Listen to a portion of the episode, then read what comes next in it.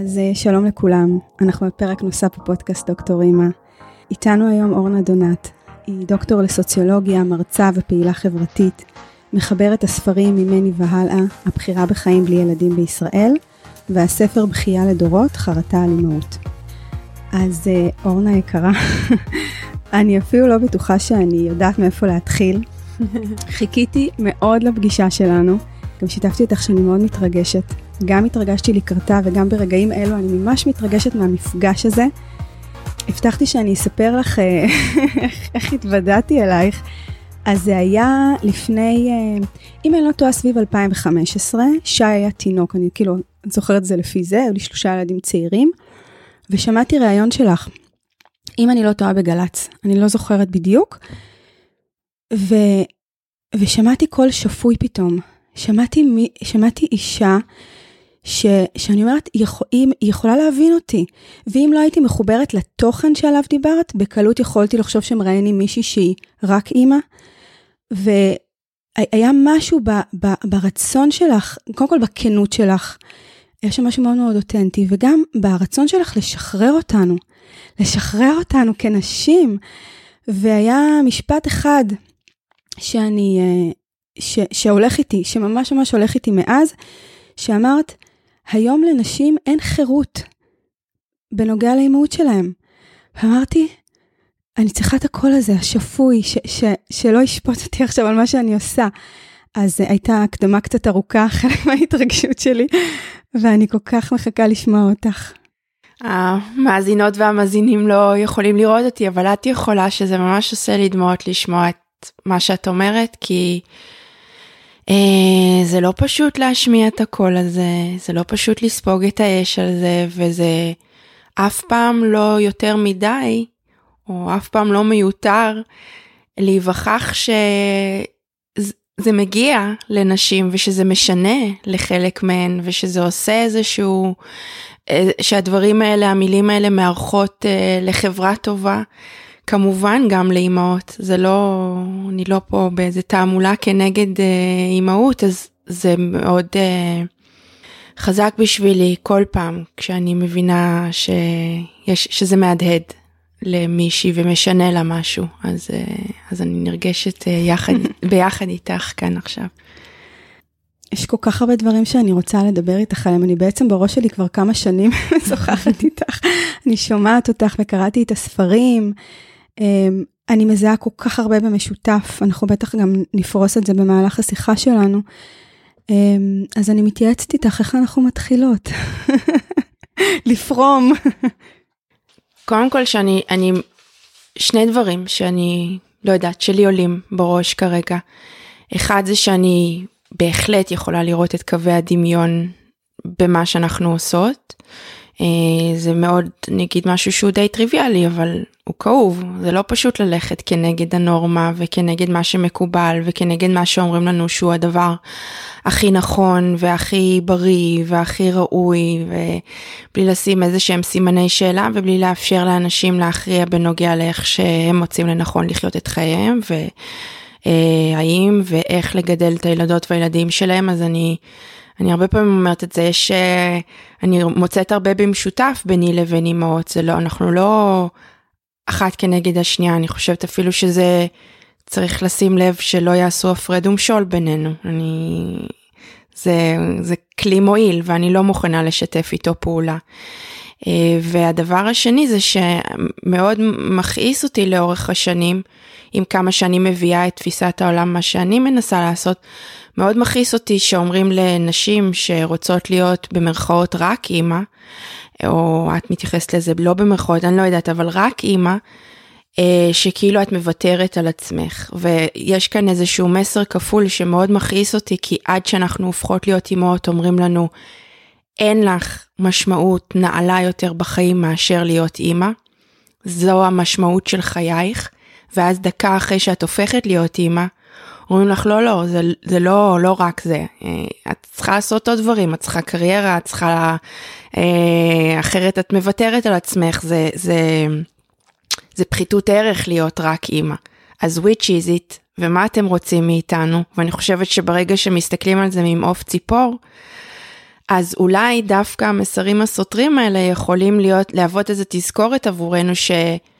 you damned if you do, you damned if you don't, ואז יאללה, אז ביי, אז נכריע באמת כל אחת לעצמה, כי אין סיכוי, זה באמת להילחם בתחנות רוח, אה, להצליח לעשות את הדברים כמו שלא ברור מה רוצים מאיתנו בעצם, בעיקר שיוכלו להגיד לנו מה לעשות.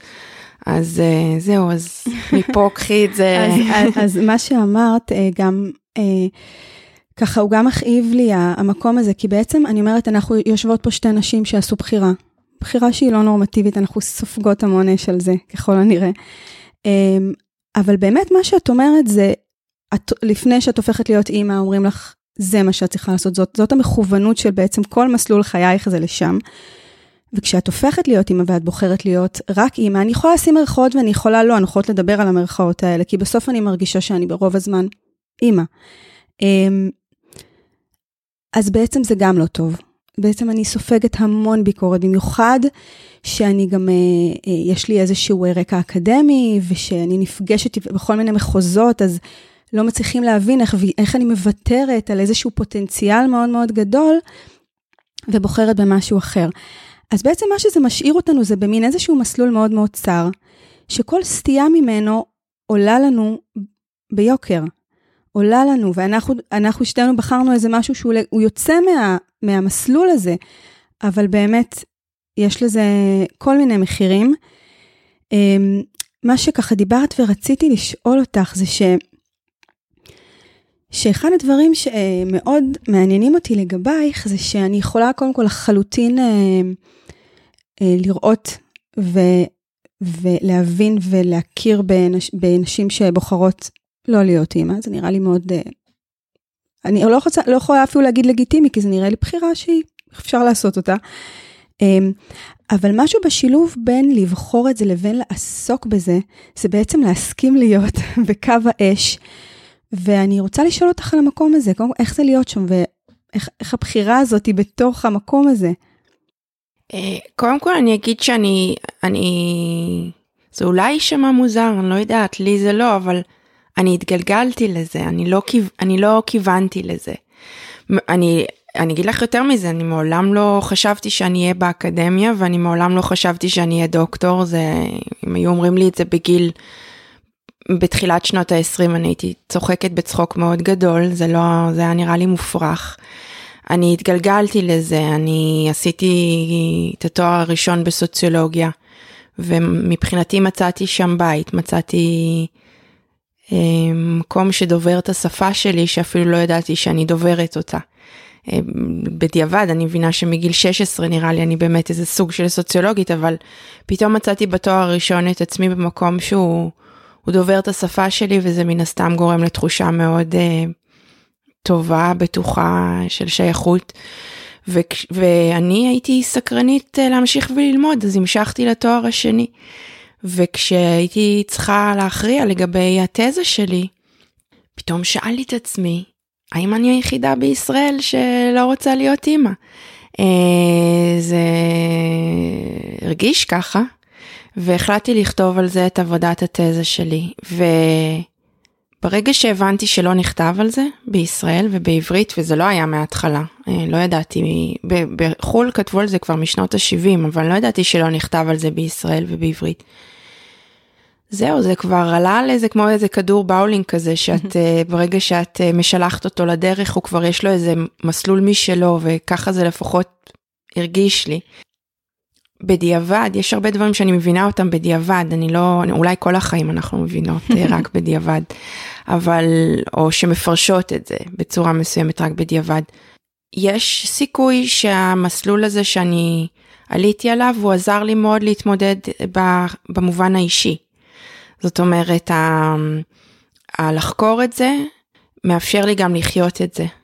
אין לי, אנחנו לא בסרט דלתות מסתובבות, אז אני לא יודעת מה היה קורה אילו.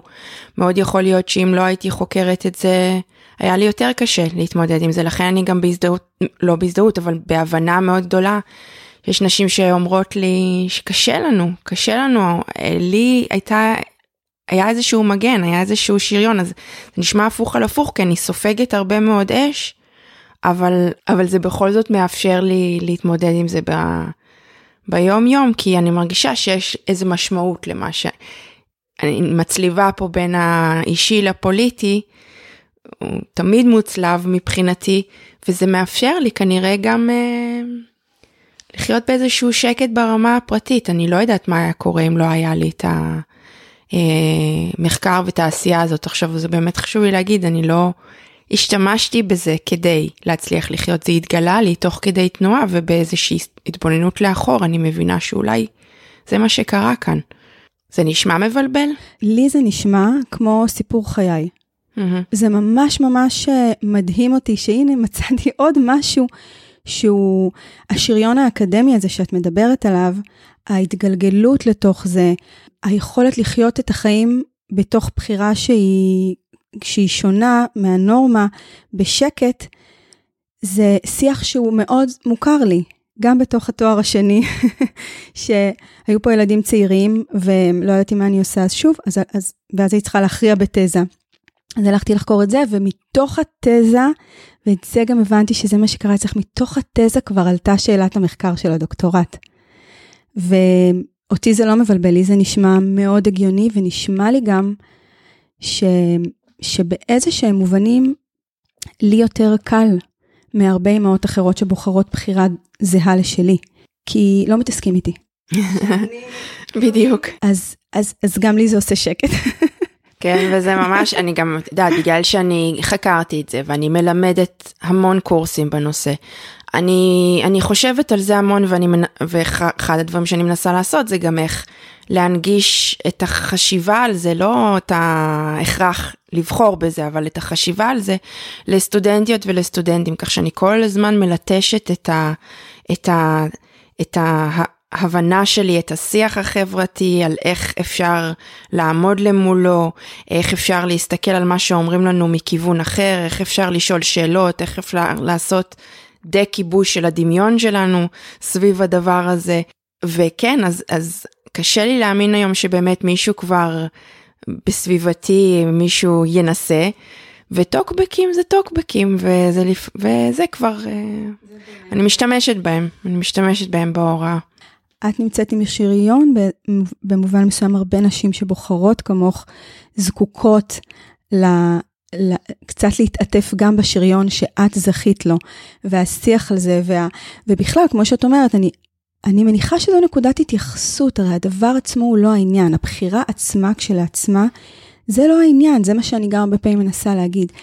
הבחירה, הבחירה הזאת או בחירה אחרת, בעיניי כל בחירה שהיא יוצאת מהנורמה היא בעצם מאפשרת לנו להסתכל על הנורמה עצמה ולהגיד עליה. לכן אני תמיד, ה... לא תמיד, אבל בזמן האחרון אני, אה, כשאני מלמדת, אני הרבה, אני, כשאני פותחת את הקורסים, אני מדברת על המטאפורה הזאת, אני פתאום הבנתי אותה שאנשים עשויים בטעות לחשוב ש... או לא בטעות, או חלקית לחשוב שהמחקרים שלי הם מזמנים איזה התבוננות מבעד לחלון, על המוזרים האלה, על ה... אה, באמת המטורללים, האגואיסטים, או הלא שפויים מכל ההטיות שאפשר למצוא לדבר הזה, אה, ושהם עומדים ליד חלון ומסתכלים על המשונים האלה. ואני אומרת, לא, המחקרים שלי, זאת אומרת, הם יכול להיות שהם מספקים גם איזושהי אה, יכולת להתבונן, אבל חלון הוא גם ראי, זאת אומרת, אה, אם נסתכל מספיק טוב ובשעות מסוימות, אנחנו נראה את עצמנו.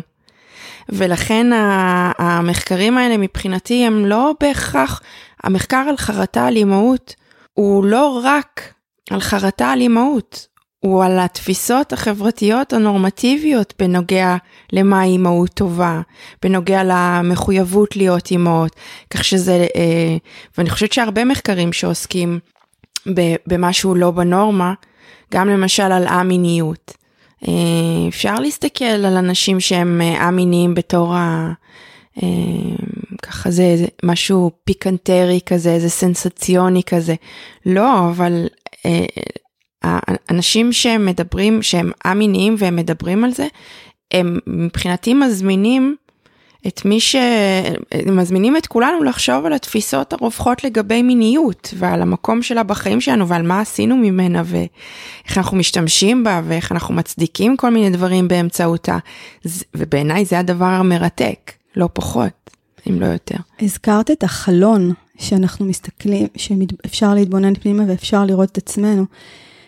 אה, אז אני מוצאת שיכול להיות שבאיזשהו שיח אקדמי אפשר באמת לדבר על הדברים ככה, באמת להסתכל על איזושהי, איזושהי קרקע להתבוננות, אבל ת, תגידי מה החוויה שלך מתוך זה. אני מזהה שאחת החוויות שאני פוגשת יותר ויותר בחיים שלי, זה שעצם היותי עם הבחירה שלי, בלי שעוד אמרתי שום דבר, אני מהווה את המקום הזה בחלון הזה, שמראה למישהו משהו על עצמו. וכשזה מגיע במקומות שהם לא במקום של שיח ומקום של עיבוד אה, עם, עם, איזושהי, אה, עם איזושהי קרקע, אז זה כשלעצמו, אפרופו טוקבקים, זה כשלעצמו מעודד המון, אה, המון אש והמון ביקורת והמון סטיגמות. כי יש משהו בבחירה, בוודאי גם שלך, זה שנשים מסתכלות על זה ו, וזה פוגש אותן בכל מיני מקומות, אפילו במקום של, איך לא חשבתי על זה? איך לא ידעתי את זה? את נתקלת במקומות האלה? אני נתקל, נתקלת בכל מיני סוגים, כל מיני מופעים של תוקפנות. זה אף פעם לא משהו שקל uh, להיתקל בו. אני מנסה הרבה פעמים uh, להגיד לעצמי שזו תוקפנות שמגיעה מאיזשהו unfinish, לא, אני לא רוצה לעשות פה איזה פסיכולוגיה בגרוש, אבל הרבה פעמים זה מגיע מאיזה unfinished business של ה... uh, שמאחורי התוקפנות הזאת יש משהו שקשה לו, קשה מאוד עם ההכרה בכך שיכולתי להחליט אחרת, שיכולתי להחליט אחרת, ובמחקר חרטה על אימהות אני פגשתי נשים שישבו מולי, ידעו מה, מה העמדה שלי ומה ההחלטה שלי בחיים, וממש תפסו את ראשן ואמרו איך לא חשבנו על זה, זה איך לא חשבתי על זה שגם אני יכולתי להכריע אחרת. עכשיו לא המצאנו כלום, אני לא המצאתי כלום, זה גם צריך להגיד. היו לאורך ההיסטוריה נשים שלא היו אימהות מכל מיני סיבות, כולל סיבות של אה, פרישות ואדיקות דתית. ואני עכשיו עושה מחקר חדש בשנה וחצי האחרונות שאני משוחחת עם נשים מבוגרות וזקנות שיכלו להיות אימהות והן לא אימהות. ווואלה, נשים בנות 80 ושהיו פה הרבה לפנינו, אני לא המצאתי שום דבר. זה מרתק, כי אני חושבת שאחד הדברים ש... שמעוררים בנו פחד זה מה יהיה בזקנה. מי נכון. יטפל בנו? מי יחזיק לנו את היד? מי, מי יכין לנו מרק? נכון. אז מה הן אומרות הנשים האלה? זה נורא מעניין. כן, בגלל זה, את יודעת, אני כל הזמן אה, מנסה לשאול את עצמי מה חסר, מה, חס... מה עוד, על מה עוד לא, על מה עוד לא... מה לא כיסינו. כן, ומה מעניין אותי עדיין להגיד על ה... אז אני, למשל בפוסט דוקטורט שלי אני הנחיתי קבוצה של נשים שמתלבטות אם להיות או לא להיות אימהות, ואני מאז ועד היום כל קיץ מנחה קבוצה של נשים שמתלבטות, אנחנו נפגשות עשרה שבועות. ומדברות על ההתלבטות, עושות כבוד להתלבטות, כי אין אה, כל כך מרחב להתלבט, כולנו כל הזמן מצפים מאיתנו להתמיין, זאת אומרת, או שאת יודעת שאת רוצה, או ש... או שאת לא יכולה. או שאת לא יכולה, בדיוק, ויש לא מעט שאנחנו, אני לא יודעת כמה שהן אה, נמצאות שם, וזה לא מדובר, העניין של ההתלבטות, שיש להם שיקולים לכאן ולכאן, ואז אנחנו עושות כבוד להתלבטות. אבל השיח, סליחה, פשוט פותח עוד איזה משהו שמאוד מעניין אותי, השיח על התלבטות, אה, אפשר, אני רוצה שנדבר על המבוגרות שהזכרנו, זה נורא מעניין אותי, אבל גם השיח של ההתלבטות, אנחנו צריכות לדבר על זה, כי זה לגמרי לא נגמר כשאת הופכת להיות אימא. זה לא נגמר, לא לאימא לילד אחד, לא להפרשים, לא נכון. לא לכמה... את יודעת כמה אני שומעת, את כבר בבית, אז למה לא עוד אחד? זאת אומרת, זה לא נגמר. זה לא נגמר. אני תמיד אומרת, ובאמת, היצירתיות היא אינסופית, אז יש לך אה, שני ילדים, אז את חייבת שלושה, ואם יש לך שלושה בנים, אז איך את, אה, לא, את לא יכולה, בדיוק, את לא יכולה לסגור את הבסטה בלי שאת יודעת אה, מה זה להיות אימא לבת. אין סוף ליצירתיות הזאת, זה באמת, לכן אני אומרת שיש הרבה במשותף בין נשים שהן לא אימהות לנשים שהן אימהות, כי הכוחות החברתיים מופעלים על כולנו, זה שהם בווריאציות שונות בהתאם לנסיבות, זה, אבל כולנו נתונות תחתם. וה... אני אגיד יותר מזה, שאני השתתפו בקבוצה, ש... אני כבר הנחיתי לי איזה שש קבוצות, אז ככה זה בערך נניח 70 נשים שעברו. וחלק מהן כן הפכו להיות אימהות, ו... וחלקן מבין אלה שהפכו להיות אימהות עדיין מגדירות עצמן כמתלבטות. זאת אומרת, הן אימהות והן מתלבטות, ואני מאוד, אני מאוד uh, מבינה מה הן אומרות, וזה אחד הדברים שאני מנסה לעשות במחקרים, זה לשרטט מפות דרכים מורכבות, כי הן באמת ככה, הן באמת מורכבות. זה לא מתמיין רק לסטטוס כן אימא לא אימא. יש כאן מערכת יחסים שלמה בין אישה לבין האימהות שלה, והיא יכולה להיות בסטטוס אימא, וב... מערך יחסים הרגשי, היא מתלבטת עדיין לגבי זה, או מתחרטת, או, או יום כך ויום אחרת, זה הרי גם מאוד מאוד דינמי. עכשיו, בנוגע לנשים המבוגרות, אני, אני רק עכשיו מתחילה לכתוב, אמן אינשאללה, אה, את הספר הבא מבחינתי. אז אני עוד לא יודעת להגיד הכל, מה אני מבינה מתוך השיחות איתן.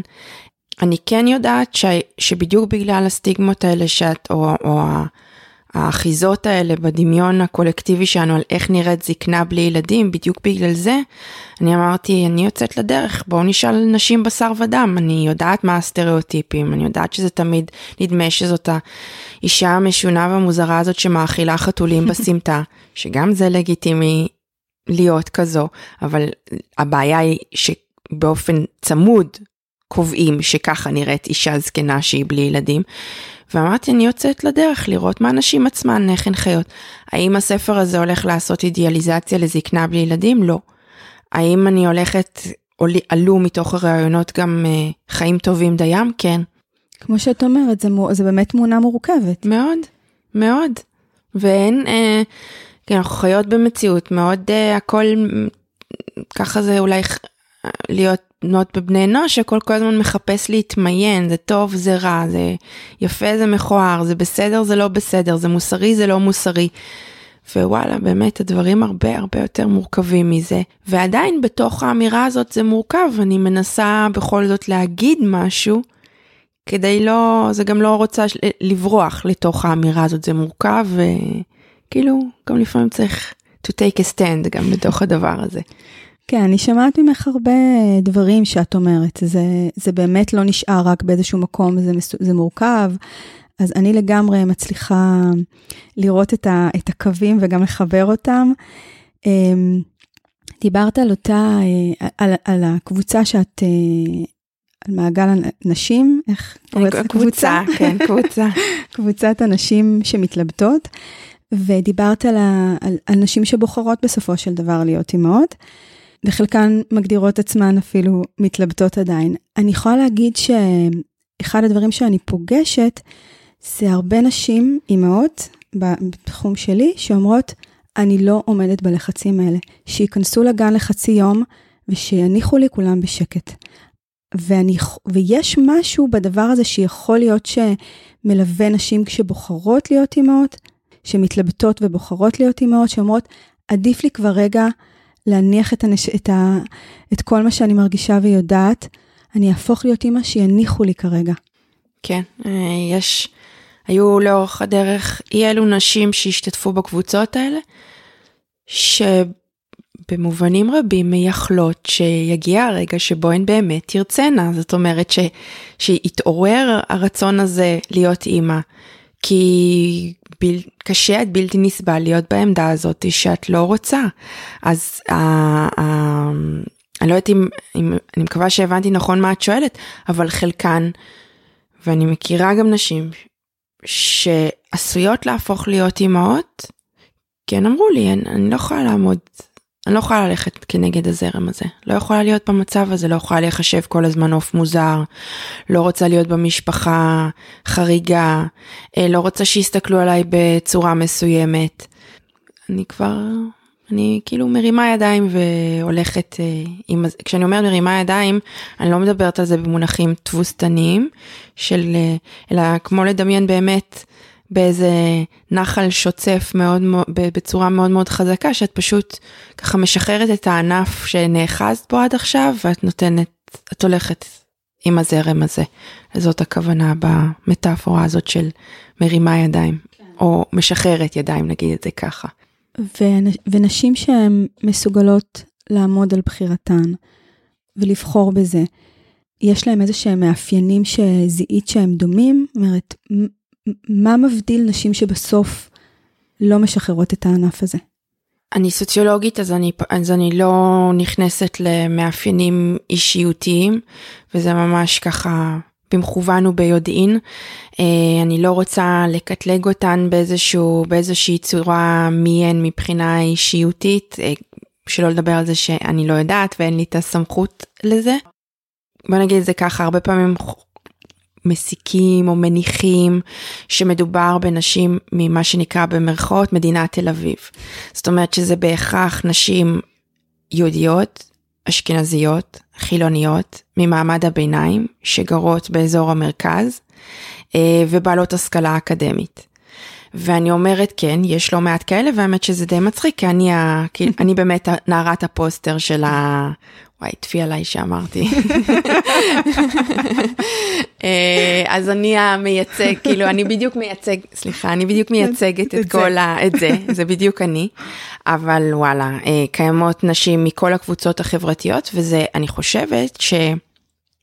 נשים שלא רוצות להיות אימהות קיימות בכל הקבוצות החברתיות, אני במהלך הדרך נתקלתי בין נשים, כמובן נשים מזרחיות, נשים אה, דרוזיות, בדואיות, אה, ערביות פלסטיניות, דתיות, חרדיות, חילוניות, פגשתי אתיופיות, רוסיות, פגשתי באמת הרבה מאוד נשים מכל מיני קבוצות חברתיות.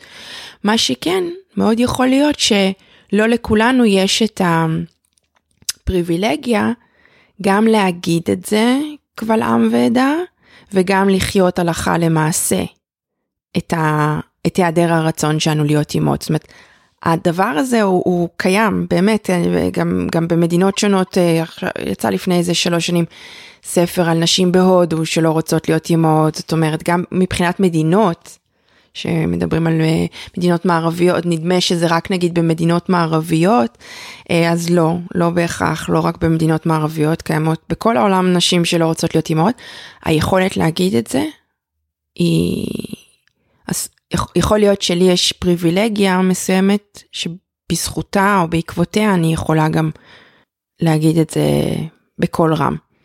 ואז עשויות להיות נשים שגם מהבחינה הזאתי שבקהילה שלהן זה לחלוטין לא יעלה על הדעת והן עשויות גם להיות אולי מנודות מהקהילה שלהן או מהמשפחה שלהן, תיאלצנה כן לשחרר את הענף.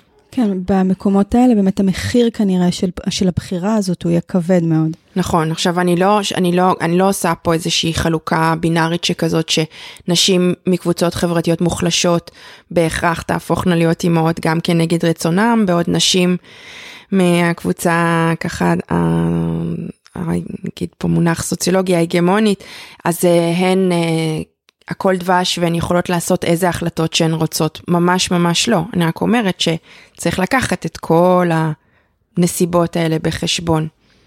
מקודם דיברת על ההתגלגלות שלך אל תוך העשייה והמחקר והאקדמיה. ההתגלגלות הזאת היא גם רלוונטית לבחירה? זאת אומרת, יש נשים שמתגלגלות לא להיות אימהות? אה, יש, אה, יש כל מיני דרכים להגיע לאימהות ואני שמה בצד את הנגיד בעיות בפריון שזה כן. מכורח הנסיבות אני מדברת על מרצון אה, אז יש נשים שיודעות את זה בגילים מאוד מאוד צעירים אפילו בגיל 4. אה, משהו בגן לא יודעת בפינה של המשחק עם הבובות וכבר נופלת איזה הבנה שמשהו פה לא לא לא מתיישב לך נכון ושאת לא משהו צורם. אני למשל זה בגיל 16. אה, ושואלים אותי הרבה פעמים מה קרה בגיל 16 ומי הרביץ לי, ואז לא, אני מגיעה ממשפחה מקסימה, טובה דייה, אה, אחותי הבכורה היא אימא לשלוש בנות מהממות בצורה בלתי רגילה, אהבה גדולה שלי אליהן. אה, אז פשוט אני הבנתי את זה בעקבות חברות שלי שאמרו שהן הן תהיינה אימהות, הן יהיו להם ככה וככה ילדים, ואני הקשבתי להם ואמרתי, זה ממש מעניין, זה ממש לא החלום שלי, אני לא אתחתן ולא יהיו לי ילדים. אה, זה לא, לא, זה לא אומר לגבי זוגיות, אבל אני לא אתחתן אה, פורמלי. אה, ויש נשים שזה יכול, הן יכולות להבין את זה בגילי ה-20, ה-30, לעתים זה בעקבות בת או בן זוג. זאת אומרת שמושך ש... לכיוון... כן, שנגיד אה, אנחנו אה, מוצאות אה, מישהי או מישהו שאנחנו רוצות לחיות איתו, איתה את חיינו, והם לא מעוניינים להיות הורים, ועבור חלקנו זה לא היה יותר מדי אישו לפני כן, ולא הייתה איזושהי הבנה ברורה אם כן או לא, ואז כיוון שהזוגיות היא זאת שבראש סדר העדיפויות, אז נעשית הכרעה בהתאם לבת או בן הזוג. וזה מאוד דינמי, יש אנשים, אני מכירה אנשים שכל החיים חשבו על עצמן שהן לא תהיינה אימהות, ומתישהו זה השתנה, לא פעם זה משתנה בסביבות גיל 40, שזה מרגיש כאילו החלון ההזדמנויות הולך ומצטמצם, ואז נעשית איזושהי הכרעה כאילו ברגע האחרון. אה, יש באמת הרבה, הרבה דרכים מובילות לשם. אמרת שאצלך זו הייתה איזושהי ידיעה מגיל 16, זה שגיל יחסית צעיר אה, לקבל, לחיות עם הידיעה הזאת. ו, וכשהיית בתוך יחסים זוגיים זה משהו שהוא, אני מדברת על החיים הבוגרים יותר, זה משהו שהוא דובר, זה משהו שהיה על השולחן. קודם כל אני רוצה להגיד לך שזה, ש... נשים לב לזה, את יודעת, כשאת אומרת זה גיל צעיר לה, להבין את הדבר, כן, כי, כי, כי אם ילדה בת שמונה תגיד לי יהיו שלושה ילדים, אף אחד לא יגיד בואנה את מאוד מאוד צעירה. יש לי עוד ו... דרך, יש לי עוד דרך. לא, לא, זה, אבל, אבל אנחנו עושות אותה תמיד, ב, כאילו, כן, אנחנו שמות ככה למחשבה כל מיני אה, אה, דברים, אני בטוחה אגב שגם אפילו לי, במרכאות, אפילו לי יכול, אני יכולה להגיד, לחשוב כל מיני דברים במיידי, משהו שהוא לחלוטין לא מתיישב עם כל הדבר שאני כבר מבינה אה, אותו לגמרי מלפני ומלפנים. אגב, אני בגיל 16 ממש לא חשבתי שיש לי איזה בעיה פה שאני צריכה לפתור אותה, וזה היה נראה לי מאוד הגיוני בגיל 16 שחלקנו רוצות, חלקנו לא רוצות, אבל מאוד מהר החברה הבהירה לי שיש כאן בעיה ושכדאי שאני אטפל בה. אה, מעולם לא ניסיתי לטפל בה. אני באמת לא מוצאת במה אני צריכה לטפל. אמ, ובמערכות יחסים זוגיות, לי באופן אישי לא הייתה בעיה עם זה. אה, אולי כי מלכתחילה נפגשתי עם אנשים ש... שלא נפלו מהכיסא, ושהם עצמם אולי לא במאה אחוז היו מגובשים והיו מוכנים לראות, לבחון מהי עמדתם בנושא הזה. אז, אבל אני, זה ברור לי שזה כן יכול להיות deal breaker להרבה מאוד אנשים. כולל אגב מצבים, בדיוק לפני כמה ימים שוחחתי עם מישהי שהרבה מאוד שנים היא בזוגיות, ובן זוגה רוצה להיות אבא והיא לא, ולא פשוט, לא פשוט בכלל, אז יש אנשים שעושים דרך מגיל מאוד צעיר ביחד, ואז מבינים באיזשהו שלב כשצריך להכריע שהם לא רואים עין בעין, שהאופק שלהם הם לא רואים אותו באותו, באותה צורה. וזה עשוי גם להוביל אה, לעיתים לפרדות. אני יודעת להגיד לגבי עצמי שאני, אה, אני יודעת, ברור שיש נשים שצריכות לעשות הכרעות אחרות ועושות הכרעות אחרות, אני אומרת, אני לעצמי, תמיד uh, עדיף להיות לבד, מאשר להיות ב... מאשר להפוך להיות אימא אה, בעל כורחי. אני בסדר מאוד, גם לבד, ממש. אז אני חושבת שבמובן זה יש איזשהו יתרון להיות בזוגיות ש... שהדבר הזה מדובר. בניגוד ללהפוך להיות רק אימא, זה לגמרי משהו שהוא מתגלגל אצל, אה, אני חושבת, הרוב המכריע של אנשים. אף אחת לא מחליטה, אה, לא באף גיל אני חושבת, וגם לא תוך כדי הריון וגם לא תוך כדי לידה, שהיא הולכת לגדל את הילדים האלה בעצמה. אה, גם שוב, זה לא משהו שאנחנו מרגישות שאפשר לחשוב אותו או לבחור בו. זה לא בסל האופציות שהם מציגים, שמגישים לנו. אז איך מתגלגלים? מעניין איך אותי מתגלגלים? איך מתגלגלות לזה. אני אקח אותך לשורה התחתונה של הדוקטורט, זה שזה בדיוק בדיוק מה שבדקתי, אה, מה המוטיבציה שעומדת בבסיס הבחירה. אז אה, קראתי לזה בחירת הלב, פשוט אי אפשר לבחור אחרת. יש מין תחושה שהם, הילדים האלה נולדים ואני אימא שלהם. אני אדבר על עצמי, אבל זה באמת, יש מאחורי שריון אקדמי. אמ, ואני לא רוצה לעזוב אותם. לא כי יש לי בעיה, לא כי אני צריכה טיפול, לא כי אני חרדתית, לא כי אה, יש לי קושי בלשחרר, לא כי אני לא סומכת על העולם, וגם לא כי בית ספר הוא המקום הכי נורא להיות בו.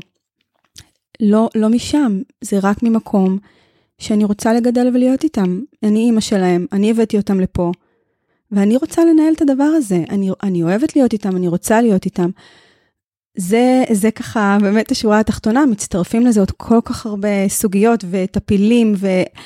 אבל, אבל, אבל זה זה, זה פשוט וצריך זה. ללמוד איך לעשות חינוך ביתי, או שזה משהו שאת, שכל אימא, אה, גם בטח אתן נעזרות אחת בשנייה, אבל גם משהו אינטואיט, לא בקטע של אינסטינקט אימהי, אלא מי שאת, מה שמעניין אותך, איך שאת יודעת להעביר דברים. הדבר היחיד שמשותף בין אימהות שבוחרות בחינוך ביתי, זה עצם זה שהן בוחרות לגדל את הילדים בבית. Mm-hmm. מדובר על נשים שהן שונות אחת מהשנייה בכל כך הרבה פרמטרים.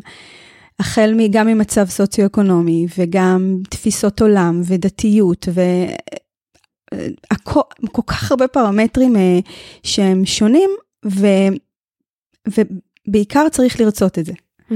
הללמוד את זה זה הפרקטיקה והיא בדרך כלל לא אישו, כי, כי גם כל אחת עושה את זה אחרת. זה העניין, שזה לא כמו בית ספר שיש איזושהי משנה, שכך וכך צריך לעשות דברים, ואלה צריך לדעת את זה ואת זה בשלבים האלה. יש פה הזדמנות אמיתית גם לשחרר כל כך הרבה צריך, ולתת לילדים האלה הזדמנות לחיות לא בתוך תבניות ולא בתוך ציפיות חברתיות אה, מוגדרות מראש.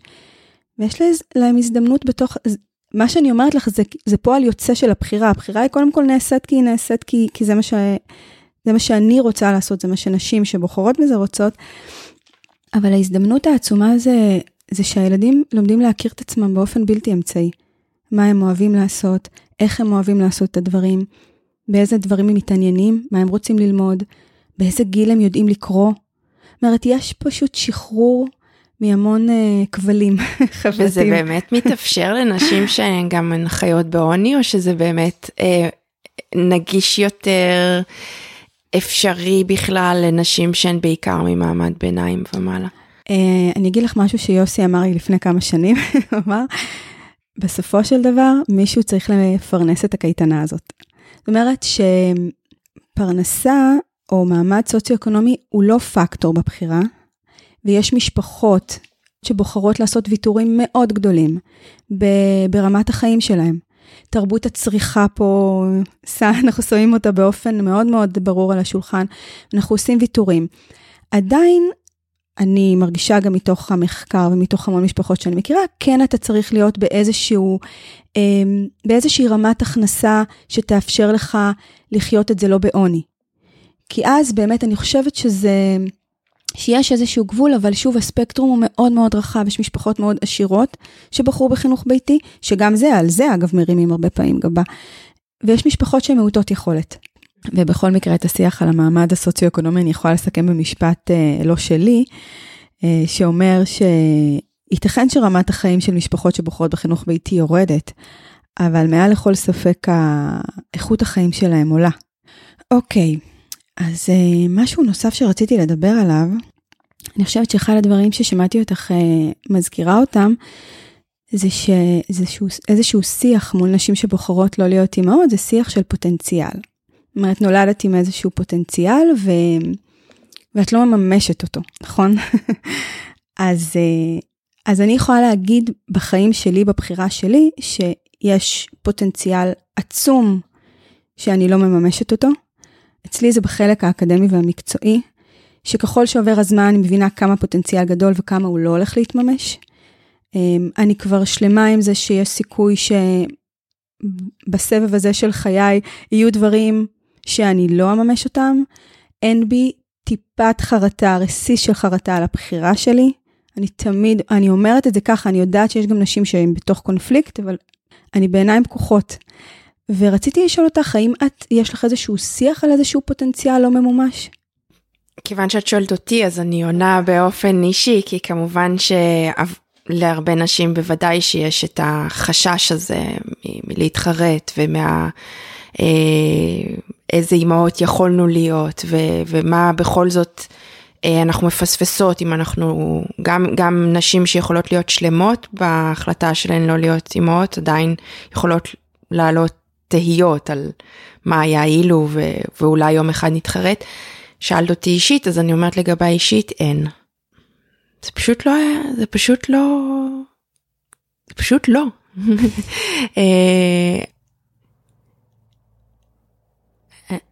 זאת פעם ראשונה בריאיון שאני אה, בשיחה הזאת בינינו שאני שותקת, אפילו לשתי, אה, חוץ מלהקשיב לך שאני שותקת, כי אני, אני ממש מנסה לחשוב איך, איך אני מעבירה את מה שאני מרגישה כל כך חזק בפנים, אה, החוצה למאזינות ולמאזינים ולך. זה פשוט לא נכון לי להיות אימא. זה הייתי, זה היה מאמלל אותי, מאוד.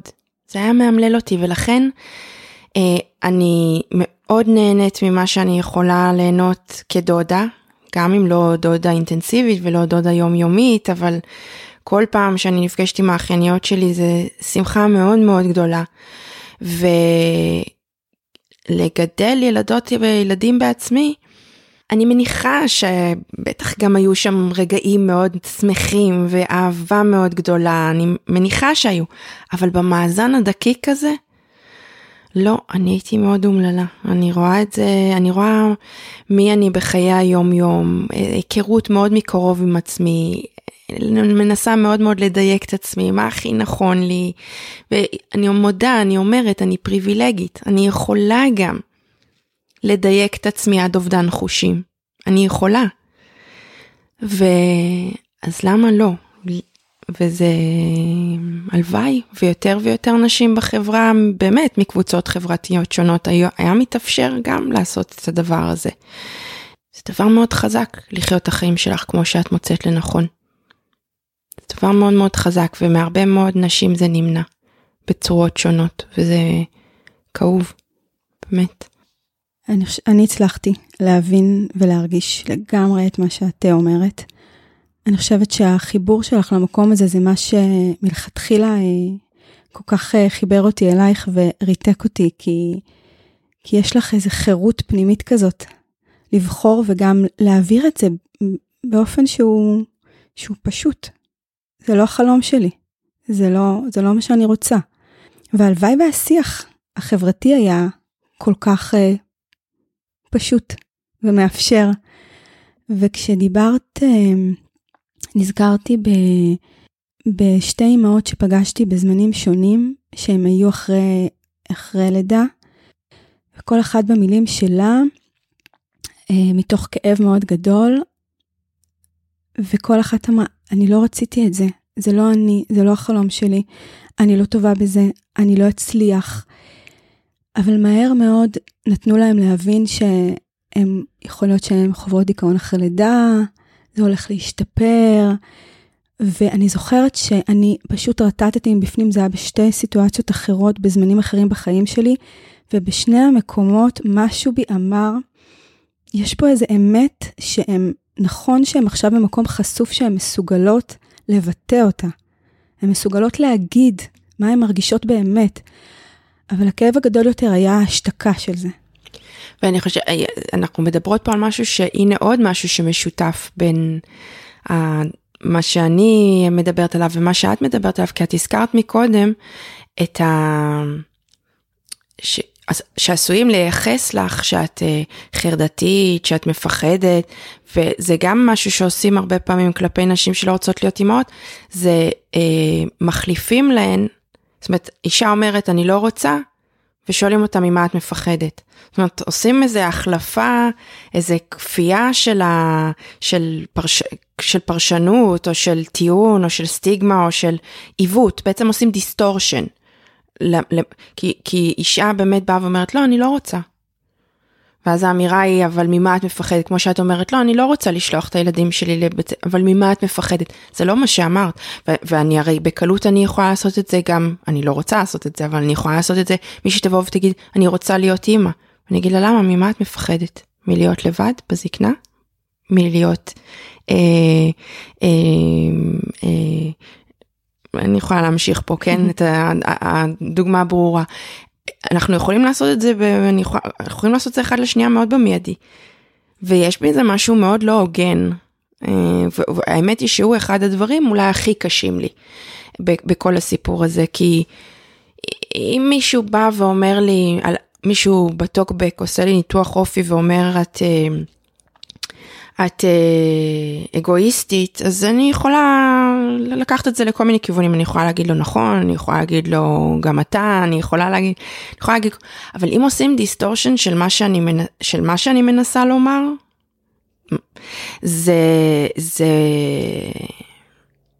אובדן קול שהוא, הוא לאורך הדרך עשוי היה לעורר בי תחושת חוסר אונים עצומה, קשה. כי זה לא, נגיד מי שלחו לי מייל, שולחים לי מדי פעם, שהיא אומרת, כותבת לי, למה את שונאת ילדים? ובא לך לצעוק, אני, אה, מה? מאיפה, למה את אומרת את זה? עכשיו, צריך להבין, נשים שלא רוצות להיות אימהות, אנחנו לא רקמה אנושית אחת. אה, בוודאי שיש גם נשים שלא אוהבות ילדות וילדים. זה לא, זה לא, לא מסתדרות עם הסוג מסוים של תשומת לב שצריך לתת, או מעדיפות חברה של אנשים בוגרים. יש, יש גם. הבעיה היא תמיד שיוצרים איזו האחדה חד-מימדית וגורפת לכולן. זה distortion קשה. זה... אני מסכימה איתך ואני אפילו אגיד לך יותר מזה שאני ממש שותפה לתסכול הזה. אמ, ואצלך זה התבטא בטוקבקים, אצלי זה פשוט בגינת שעשועים לפעמים, שאני עם mm. ויכולה אה, אימא שלא פגשה אותי מעולם, להגיד לי, אמ, אחרי שיח של דקה מבינים שאנחנו בבית, ולהעביר ביקורת עליי, להעביר ביקורת על הילדים שלי, להעביר ביקורת על האג'נדה שלי. ואני מסתובבת במין תחושת תסכול ש, שכנראה לה מותר, אבל אם אני אעז להגיד משהו על הבחירה שלה, זה לא. זה לא יכול להתקבל, אבל היא תוכל להגיד לי, אה, גם האשימו אותי שאני לא מספיק אוהבת אותם בזה שאני בוחרת אותם, שזה בשבילי שהם בבית, שאולי לי קשה להיות לבד, אולי, אולי יש לי פחד להגשים חלומות. אז אני מחליטה ועל אחד... תראי, זה מדהים, זאת אומרת, מוקיעים אותך, נגיד יכולים להוקיע אותך על זה שאת, אה, שאת אה, הילדים בבית כי את מפחדת להיות לבד, אבל לחברה אין בעיה באותה נשימה להגיד, אבל את לא מפחדת להיות לבד, כדאי שתהיי אימא. זה בדיוק מה שאמרנו. זה השביל הצר הזה ששמים אותנו עליו, ואנחנו צריכות לצעוד בו, ואז כנראה שיהיה, שאז יהיה שקט. כל הטיעונים כשרים, אה, גם אם הם סותרים. תחשבי על השביל הצר הזה, על המסרים החברתיים שכולנו חשופות להן. ממש הסללה. סתם דוגמה, תסתכלי על, על, על תוכנית בנייה, על גרמושקה, נכון? יש uh, סלון, מטבח, חדר הורים, חדר ילדים, נכון? ככה זה מתוכנן. אז זה מבחינתי uh, כזאת תמונה של ברור שלשם המציאות מכוונת אותנו. ו, ובהפוך מהעולם שלי, בגיל שנה, uh, הגעתי לטיפת חלב והיינו צריכים למלא איזה שאלון במחשב, והגענו לסעיף אה, מסגרת לילד. ואז עברנו על האופציות, אז היה שם אה, גן, פעוטון, משפחתון, סבתא, אה, אחר. והסתכלתי על אחות טיפת חלב, אמרתי לה, היא בת שנה, אז היא אמרת לי, כן, אבל באיזה מסגרת? אז אמרתי לה, היא איתי, אמרת לי, כן, אבל מה את מתכננת? אז אמרתי לה, אני לא מתכננת, אז בסופו של דבר נכנסתי תחת הקטגוריה אחר. וואו, אני מראה בקורסים שאני מלמדת, אני מראה שרטוטים של דירות. ואני מראה את ה... שכתוב שם חדר הורים, אה, לפעמים גם כתוב באמת חדר ילדים, ואני אומרת, כן, יחד עם, ה... יחד עם החלום של הדירה, נמכר פה סוג מסוים של חיים ולא סוג אחר. היו יכולים לקרוא לזה חדר שינה גדול, חדר שינה קטן, אה, חדר שינה אחד, חדר שינה שניים, יש כמה רעיונות אה, לאיך אפשר היה לקרוא, אבל ההסללה הזאת היא מאוד מאוד מאוד נוכחת ורק צריך להתבונן, היא פה. פרסומות אני מראה להם. מעניין כל כך. Um, אני לא יודעת, אני חושבת על זה שאת את גם נשמעת לי מאוד שלמה בבחירה שלך ומאוד נינוחה, שזה כשלעצמו תמיד מרתק מבחינתי, והוא כל כך לא רווח. אני לא מכירה הרבה אנשים שהם בנחת בחיים שלהם. אבל אפילו רק שאלה פשוטה של איך זה לחיות ככה במדינה שלנו, למרות שבטח תגידי, אני לא יודעת איך זה לחיות אחרת, אבל... את יודעת, את שואלת אותי, אותי את השאלה הזאת ב, בימים של קורונה, ואני לא יוצאת הרבה מהבית. אני, את כל ההוראה אני עושה בזום. ואני לא, אני ממש רוב הזמן אני בבית.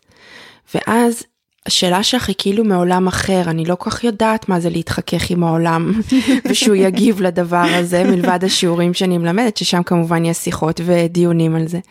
אז אני צריכה ממש ככה, להיזכר. כן, להוריד, להסיר את האבק מעל ולהיזכר בחיים האחרים שהיו. כן, לא לקחתי אז... בחשבון את עדשת הקורונה, אבל היא בהחלט חלק מהחיים שלנו כבר כן, הרבה זמן. כן, אני מאוד בבועה שלי, ואגב, יש אנשים, אני יכולה להבין את זה, שיכולים מאוד להיות מבועתים מהבועה הזאת שאני חיה בה, שמבחינתם הסגר זה בדידות מאוד גדולה. אני, אני כמו כלב שמקשקש בזנב, אני לא יודעת מה לעשות קודם. זאת אומרת, אה, הסגר זה, זה מה, מה, לקרוא את זה, לצפות בזה, אה, לבהות בקיר, שאני באמת, אה, מי שנמצאים סביבי יודעים ש... אני חובבת הז'אנר מאוד מאוד רצינית של אה, לבהות בקיר, מה, מה לעשות קודם. עכשיו, אה, אז אני אומרת, העולם מתחלק למי שמבחינתו זה בעתה, מה שסיפרתי, מעורר בעתה, כי, כי זאת, בדידות מאוד גדולה להיות לבד, ו, ו, אה, ועבור הורים אולי זה החלום באספמיה, אני לא יודעת, כל אנשים התייחסו באופן שונה, אני באמת מבחינתי זה... ברכה מאוד גדולה. בימים שלפני הקורונה, אז אם היה יוצא, אה, שנניח הייתי נוסעת במונית, אז מאוד מהר זה את נשאלת ואת צריכה, את לא צריכה, אבל מתפתחת שיחה ונחווית אה, חוות, ניתנת לך חוות דעת על אה, הכרעתך. זה לא אגב כי נהגי מוניות אה, חושבים אה, באופן אה, שמרני יותר מאנשים אחרים, פשוט נסיעה במונית היא, היא מספקת סיטואציה ש, שנדמת אינטימית, או שיש בה שתיקה, ושהרבה פעמים שתיקה מאיימת, אז צריך למלא אותה באיזשהו אופן, אז נוצרת שיחה, זה לא בגלל העמדות. אמ, אבל אני באמת חייבת להגיד שבחיי האישיים אני לא נתקלת יותר מדי כבר בנקודות חיכוך.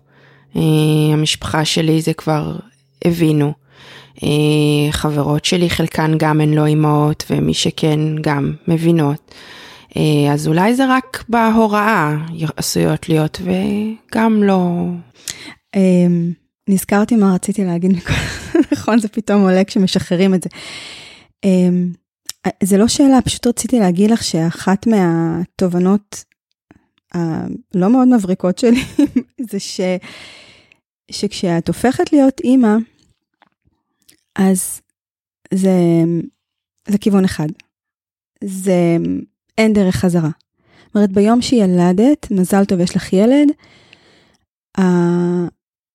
לא רק הילד הקונקרטי, אלא המצב הזה של האימהות, התודעה הזאת, היא תלווה לכל החיים. ואני חושבת שיש רגעים מסוימים, כשאני באמת באמת מבינה את זה, שזה ממש מבהיל אותי.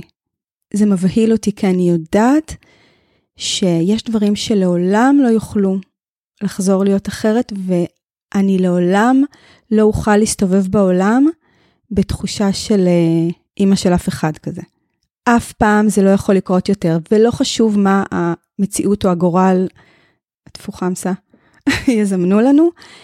אה, ואני יכולה להגיד שהרגעים האלה, אה, כאימא, הם, אה, הם ממש מעוררים בי בעתה, אני לא נוגעת בהם הרבה, אה, אבל כשזה כן מכה בי, אז זהו, פשוט רציתי להגיד את זה, mm-hmm. שזה, שאי אפשר, אה, שזה, שזה ממש כרטיס.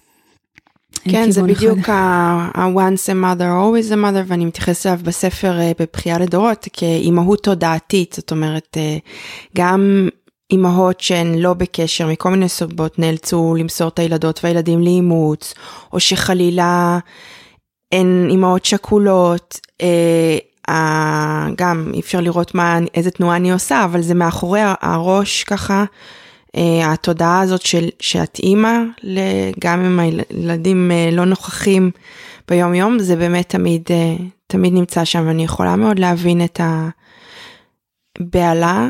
את יודעת, וואי, אני אגיד משהו שאני מזרם התודה, ובואי נראה מה, לא יודעת למה, פתאום אמרתי, כשאת אמרת את זה, שפתאום יש לך הבלחות של אה, תודעה, אמרתי, זה כמו, את יודעת, אנחנו לא חיות בתודעה כל הזמן שאנחנו נמות.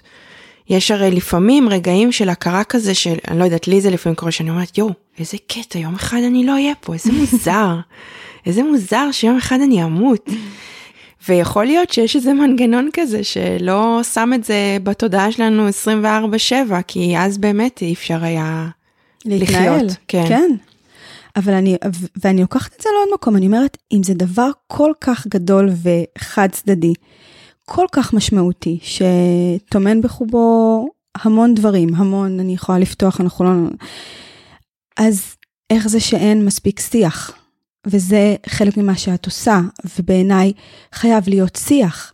והשיח, כמו שאת אומרת, זה לא משהו דיכוטומי של כן או לא. חייב להיות יותר שיח על אימהות, על שיח על, נתחיל באם כן או לא, ואם כן, אז איך ומתי וכמה, וכמה להיות וכמה לא להיות. זאת אומרת, השיח האימהות היום הוא מאוד מאוד מצומצם, וזה מדהים אותי בהשוואה לגודל העניין. Mm-hmm. זה לא מדובר. זה מאוד uh, כנראה מעורר פאניקה, יותר, יותר מדי לאפשר לנו שתהיה איזושהי חירות להכריע. אה, זה מקשה על השליטה, אני אומרת פה מילים גדולות כאלה, אבל זה אין, אה, אין מניע לאפשר את השיח הזה יותר מדי. אני מאמינה, אני מאמינה בלפתוח אותו ממש לא בשם תעמולה כנגד אימהות. ממש לא. ממש ממש חד משמעית לא. אני חושבת שלפתוח את השיח הוא גם יאפשר ללא מעט נשים להיכנס בשערי האימהות ממקום אחר מאשר זה שהוא על אוטומט ולא, והוא רק, רק רווי ב, בהבטחות. Uh, היום אגב זה גם מאוד מעניין כי היום כבר יותר בטח שהיום בשנים האחרונות הרבה יותר מדובר על הקשיים מאשר בעבר אם זה בבלוגים כל הרשת החברתית היא מאפשרת את ה... אה, השמעת קול של אימהות באופן בלתי מתווך, הן יכולות לדבר, הנה גם מה שאת, אפשר לדבר את עצמנו באופן שהוא בלתי מתווך. ואני חושבת שעדיין הרבה מאוד נשים תשמענה את זה, ובגלל שהן יודעות ש... בגלל שמכל מיני סיבות הן יודעות שהן תהפוכנה להיות אימהות, הן חייבות לעשות מיוט לכל העדויות האלה, ו... ובאמת להגיד לעצמן, אוקיי, אבל לי זה לא יקרה, לי זה, אצלי זה יהיה אחרת.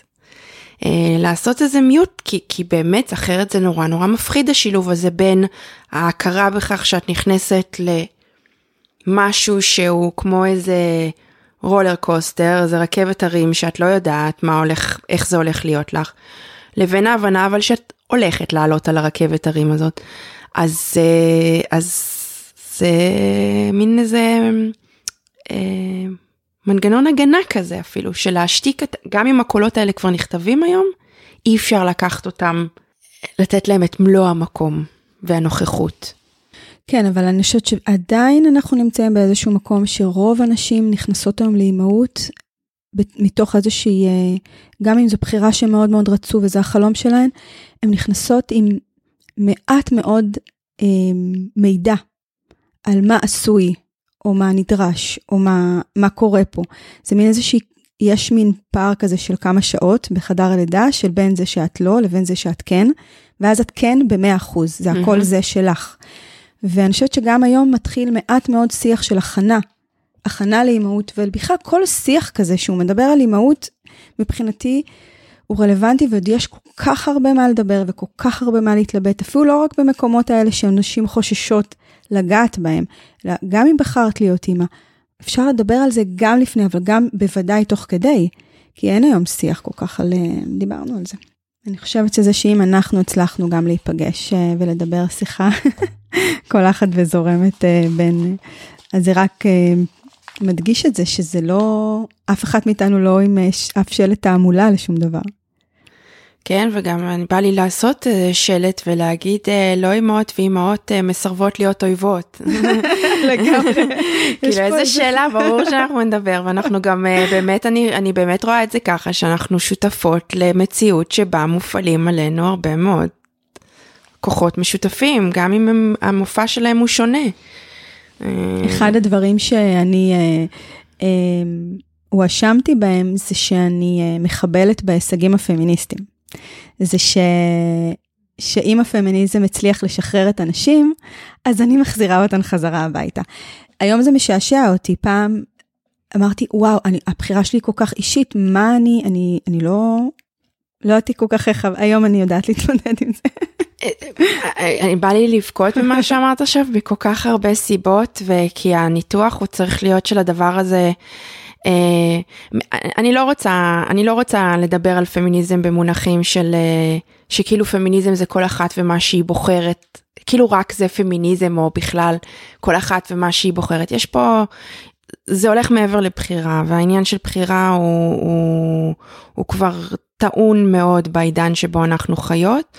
ואני חושבת שטיעון כזה כלפייך הוא גם מש... הוא מדברר גם קפיטליזם וניאו-ליברליזם אה, ומה זה הפמיניזם הנכון זה שאלה מאוד מסועפת בפני עצמה אה, ויש כאן יש כאן הרבה מאוד מערכות ידע שמשלבות ידיים באמירה הזאת כלפייך. ש... אני חושבת שאחת הבהלה, אה, אני חושבת שהבהלה ש... שנמצאת שם מול מי שרואה או מזהה את זה או אומר את זה, זה איזשהו אה, אה, חשש לאיזשהו מבנה פטריארכלי שמתנהל פה כי יש פה סממנים כאלה, כן? אה, לכאורה. יש פה את הגבר המפרנס, יש פה את האימא שבבית שדואגת לילדים ולשאר הדברים, אז בטעות אפשר להתבלבל ולקחת את זה. אפשר, לק... נכון, ואפשר לשאול שאלות, ואני תמיד אומרת, חושבים שהמהפכה הפמיניסטית אה, התרחשה, ושהיא הסתיימה. Mm. היא, אם היא התרחשה, והיא כן, ברור שאני לא מתכחשת לזה שהיא מת, התרחשה ומתרחשת, היא מה זה לא הסתיימה, היא מה זה נעצרה באמצע, כי כל העניין הזה של אה, לא, להוציא נשים אה, ממעמד ביניים לשוק העבודה בשכר, זה ערוץ מסוים, מה עם אבות יותר בתוך הבית, מה עם הכיוון לצד השני, אה, לא, לא סיימנו, וזה כאילו להפיל את העט באמצע ולהגיד זהו, להגיש את העבודה ולהגיד אה, זהו, סיימ, לא סיימנו, זה עוד היסטוריה בהתהוות, לא סיימנו. טוב, אני מקווה שאנחנו לפחות בדרך, אה, שהעט תתרומם מתישהו ונמשיך מהמקום שבו נעצרנו. אני תמיד, אני חושבת שכל הרצאה שאני מעבירה, זאת לא הרצאה עכשיו, אבל בכל פעם אני תמיד שומעים אותי מצטטת אה, אמירה של שני סוציולוגים גרמנים, אולריך בק ואליזבת בק גרנשיים, הם אמרו בהקשר אחר, שאנחנו גר, אה, חיים בעידן ה-no longer, but not yet. אז נראה לי שזה מסכם טוב את העניין. לגמרי. טוב, אז uh, בעניין אחר, אחד המושגים הגדולים והמשמעותיים שאת מביאה לשיח שלנו, הוא שיח על חרטה. את מתארת משפט שמופנה לנשים שבוחרות לא להיות אימהות, את עוד תתחרטי על זה. גם אני מתמודדת עם אמרה שאת את עוד תתחרטי על זה. יום אחד את תקומי, ילדים יגדלו, הם כבר לא יהיו פה, הם לא יצטרכו אותך, ואת תתחרטי על השנים האלה. ואני לא ידעתי להגיב לזה בצורה מדויקת עד ששמעתי אותך אומרת, תיתנו לי את החירות גם להתחרט. תנו לי את החירות להתחרט, זה חלק מהחופש שאני מבקשת, לעשות את הבחירות שלי ולקחת בחשבון. שיש דברים גם שאני אטעה בהם או אתחרט עליהם.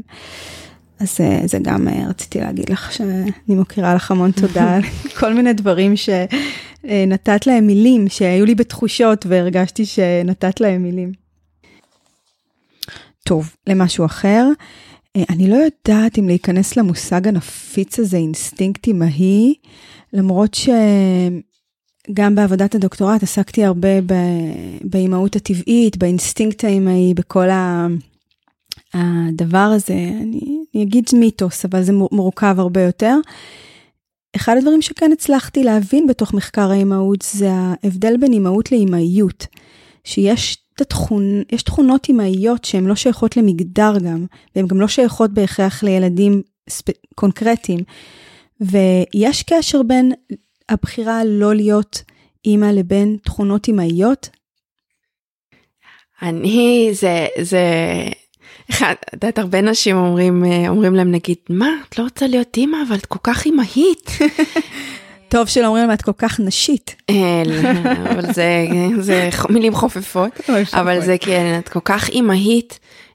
אני הייתי, אני חושבת שאני בעיניי עולם טוב היה עולם שבו הסט תכונות הזה, שמוצ... שבעצם אה, מגדיר מה זאת אימהיות, הוא היה פשוט אנושיות, זאת אומרת שהיינו להוציא את זה גם מהמחוזות של אה, אה, רק נשים או בהכרח אימהות ו, ולהוציא את זה מהמחוזות של האימא כלפי הילדות והילדים הביולוגיים שלה, אם את הדבר הזה שאומרים וואו את כל כך אימהית, היינו אנחנו בנות ובני אדם אה, אה, מטפחים את זה כלפי אנשים מהקהילה שלנו, כלפי אנשים, אני יודעת שאני עכשיו אומרת משהו שהוא מין, אני חיה בלה-לה לנד, אבל אני לא רואה דרך אחרת מלבד לדמיין חברה כזאת בשביל לנסות איכשהו להגיע לחברה כזאת. אני חושבת שהיה פה הרבה יותר טוב. שרה רדיק התייחסה לזה בתור אה, חשיבה אמהית, כן? זה המונח הזה של החשיבה אמהית. אמ, אז אני ככה נתלית על אה, אילנות גבוהות אה, ואני מתייחסת לחשיבה אמהית, אבל אני אומרת, אני הייתי רוצה להוציא את זה אפילו באמת מה...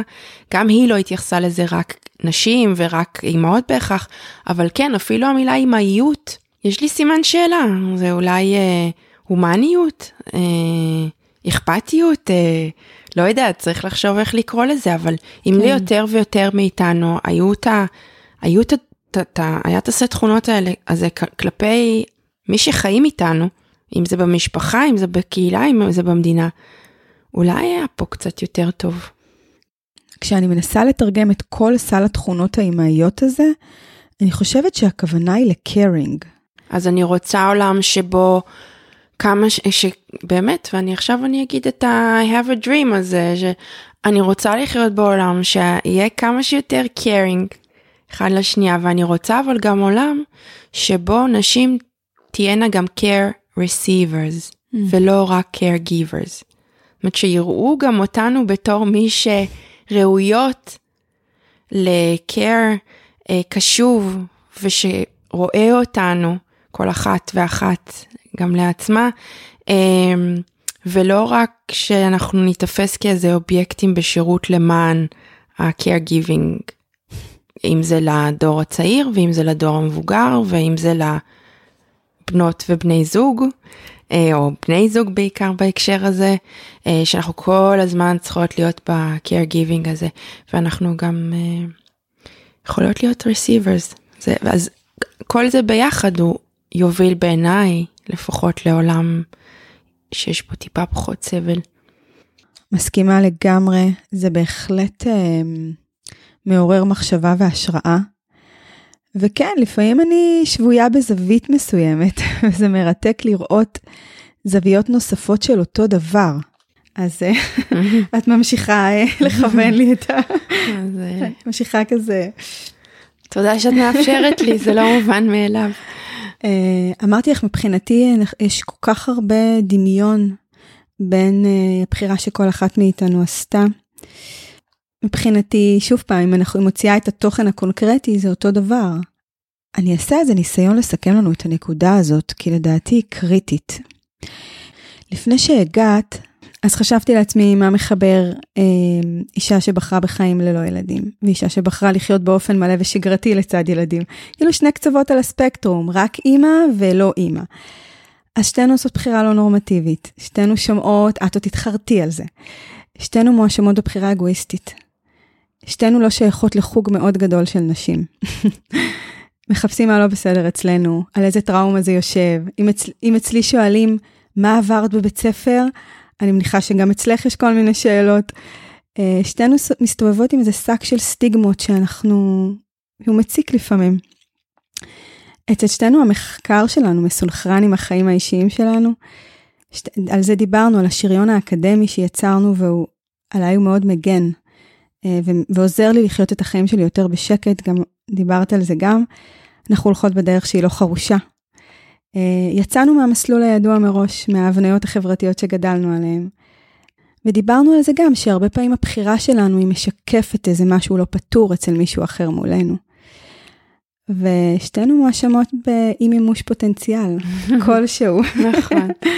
נכון, זה, נכון? זה מרתק אה, לראות ככה, לשמוע את זה ככה כאסופה של אה, טענות, כשאנחנו שתינו באמת משני הצדדים של הספקטרום הזה, זה כל כך מבהיר עד כמה, לא יודעת, אולי אני אפילו אבקש ממך שתשלחי לי את זה, אני, אולי אני אשתמש בזה בקורסים שאני באמת, כי אני באמת רוצה להראות איך, זה מה שאמרתי מקודם, you, damned if you do, you damned if you don't, זה, זה, זה, זה, זה, לא, זה לא העניין, זה לא העניין. אה, זה עצם זה שבאמת זה לא ללכת ב...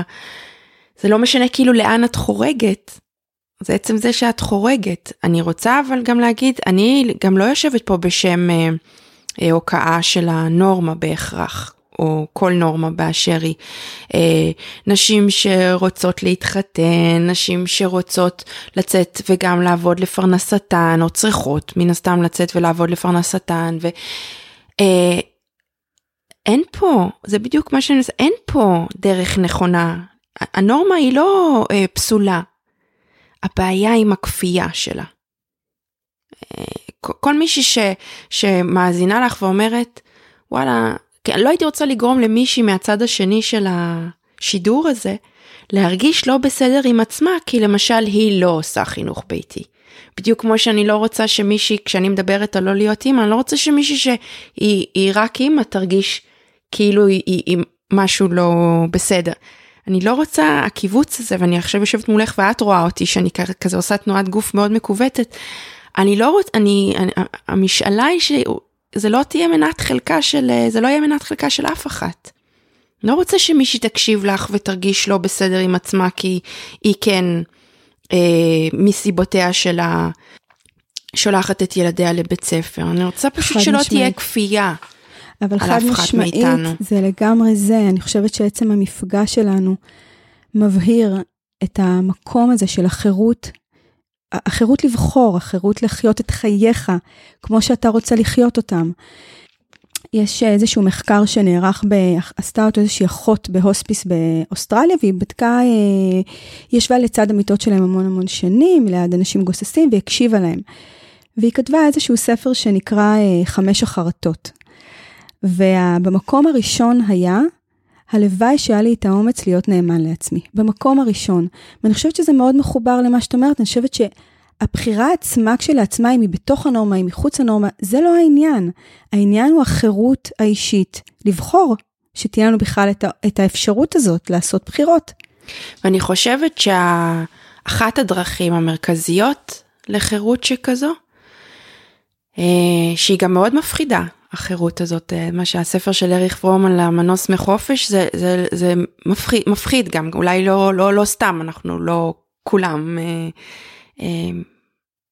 גם אם יש אפשרות לחירות, לא בהכרח הולכים במסלול שלה. אני חושבת שאחת הדרכים זה להסתכל נכוחה על השיחים החברתיים, לפענח פה את המטריצה הזאת של איך הם פועלים עלינו, של איך שיח פטריארכלי הטרונורמטיבי משלב ידיים עם שיח קפיטליסטי וניאו-ליברלי, אה, להכיר אותם, להבין ב- על, על מה בדיוק לוחצים לנו שם. אה, אני, זאת אומרת, אני, אני אומרת כסוציולוגית, זה לא... זה לא רק או בהכרח איזשהו נגיד שיר הלל לחופש הבחירה הפרטי שלי. אני רוצה להסתכל על המנגנונים, על המבנים החברתיים. אני חושבת שברגע שאנחנו רואות אותם, איך הם עובדים, כבר אפשר אולי יותר לפלס דרך לעצמנו. וזה ממש צריך לראות אותם. וזה אחד הדברים שאני מנסה לעשות, לראות איך זה עובד. וואו, איך אנחנו uh, מסכמות uh, מפגש כזה? מפגש פסגה. וואו, לגמרי. לא יודעת, השתיקה הזאת שהייתה עכשיו אולי איזה, ככה, להעביר איזה אנרגיה. תודה, אני בעיקר רוצה להודות לך על ההזמנה הזאת ועל ההתעקשות שאנחנו כבר הרבה חודשים מנסות אה, ליצור את המפגש הזה והיו לנו הרבה עיכובים בגלל הסגרים והקורונה, אז אני מאוד מודה לך, זה באמת הייתה שיחה שככה פקחה גם לי עיניים, באמת הרשימה הזאת שאת הקראת לקראת הסוף, הייתה mind blowing בשבילי. זה מטורף. אז אני, אני מאוד מודה לך שהגעת, וכבר אמרתי לך גם בתחילת השיחה ש, שנגעת בי ממש עמוק כשאני הייתי פה עם שלושה ילדים קטנים ופתאום הקשבתי לך. הרגשתי שמישהו יכול להבין אותי, כאילו הרגשתי כזאת בדידות בהתחלה בתוך האימהות, בדידות מאוד מאוד גדולה. ואני כאילו מתרגשת עכשיו מאוד, אבל זה באמת היה שם. היה שם כי אמרתי, יש מישהו שיכול להבין את הבחירה שלי. ובמקרה אותה אישה בוחרת אחרת, זה בכלל לא משנה. אז בעיניי זה... אני, אני מאוד מאוד מודה לך על המפגש הזה, אני חושבת שהוא חשוב בכל כך הרבה מימדים. אמ, ואני אמשיך להקשיב לך בכל מיני מדיות. אז אני מקווה שניפגש, ואולי גם לעשות שיחה עם יום אחד הספר השלישי יצא, אז אולי גם נשוחח עליו. וואו, הוא יצא. אה, תודה, תודה, נכון. אני לפני שבוע, אני אמרתי לעצמי, זהו, זה קורה, די. הספר התחיל להיכתב, אה, אז אה, לשם אני מכוונת. איזה כיף, אז זה יקרה. תודה. תודה רבה, אורנה. חזק מאוד. תודה, ענבל.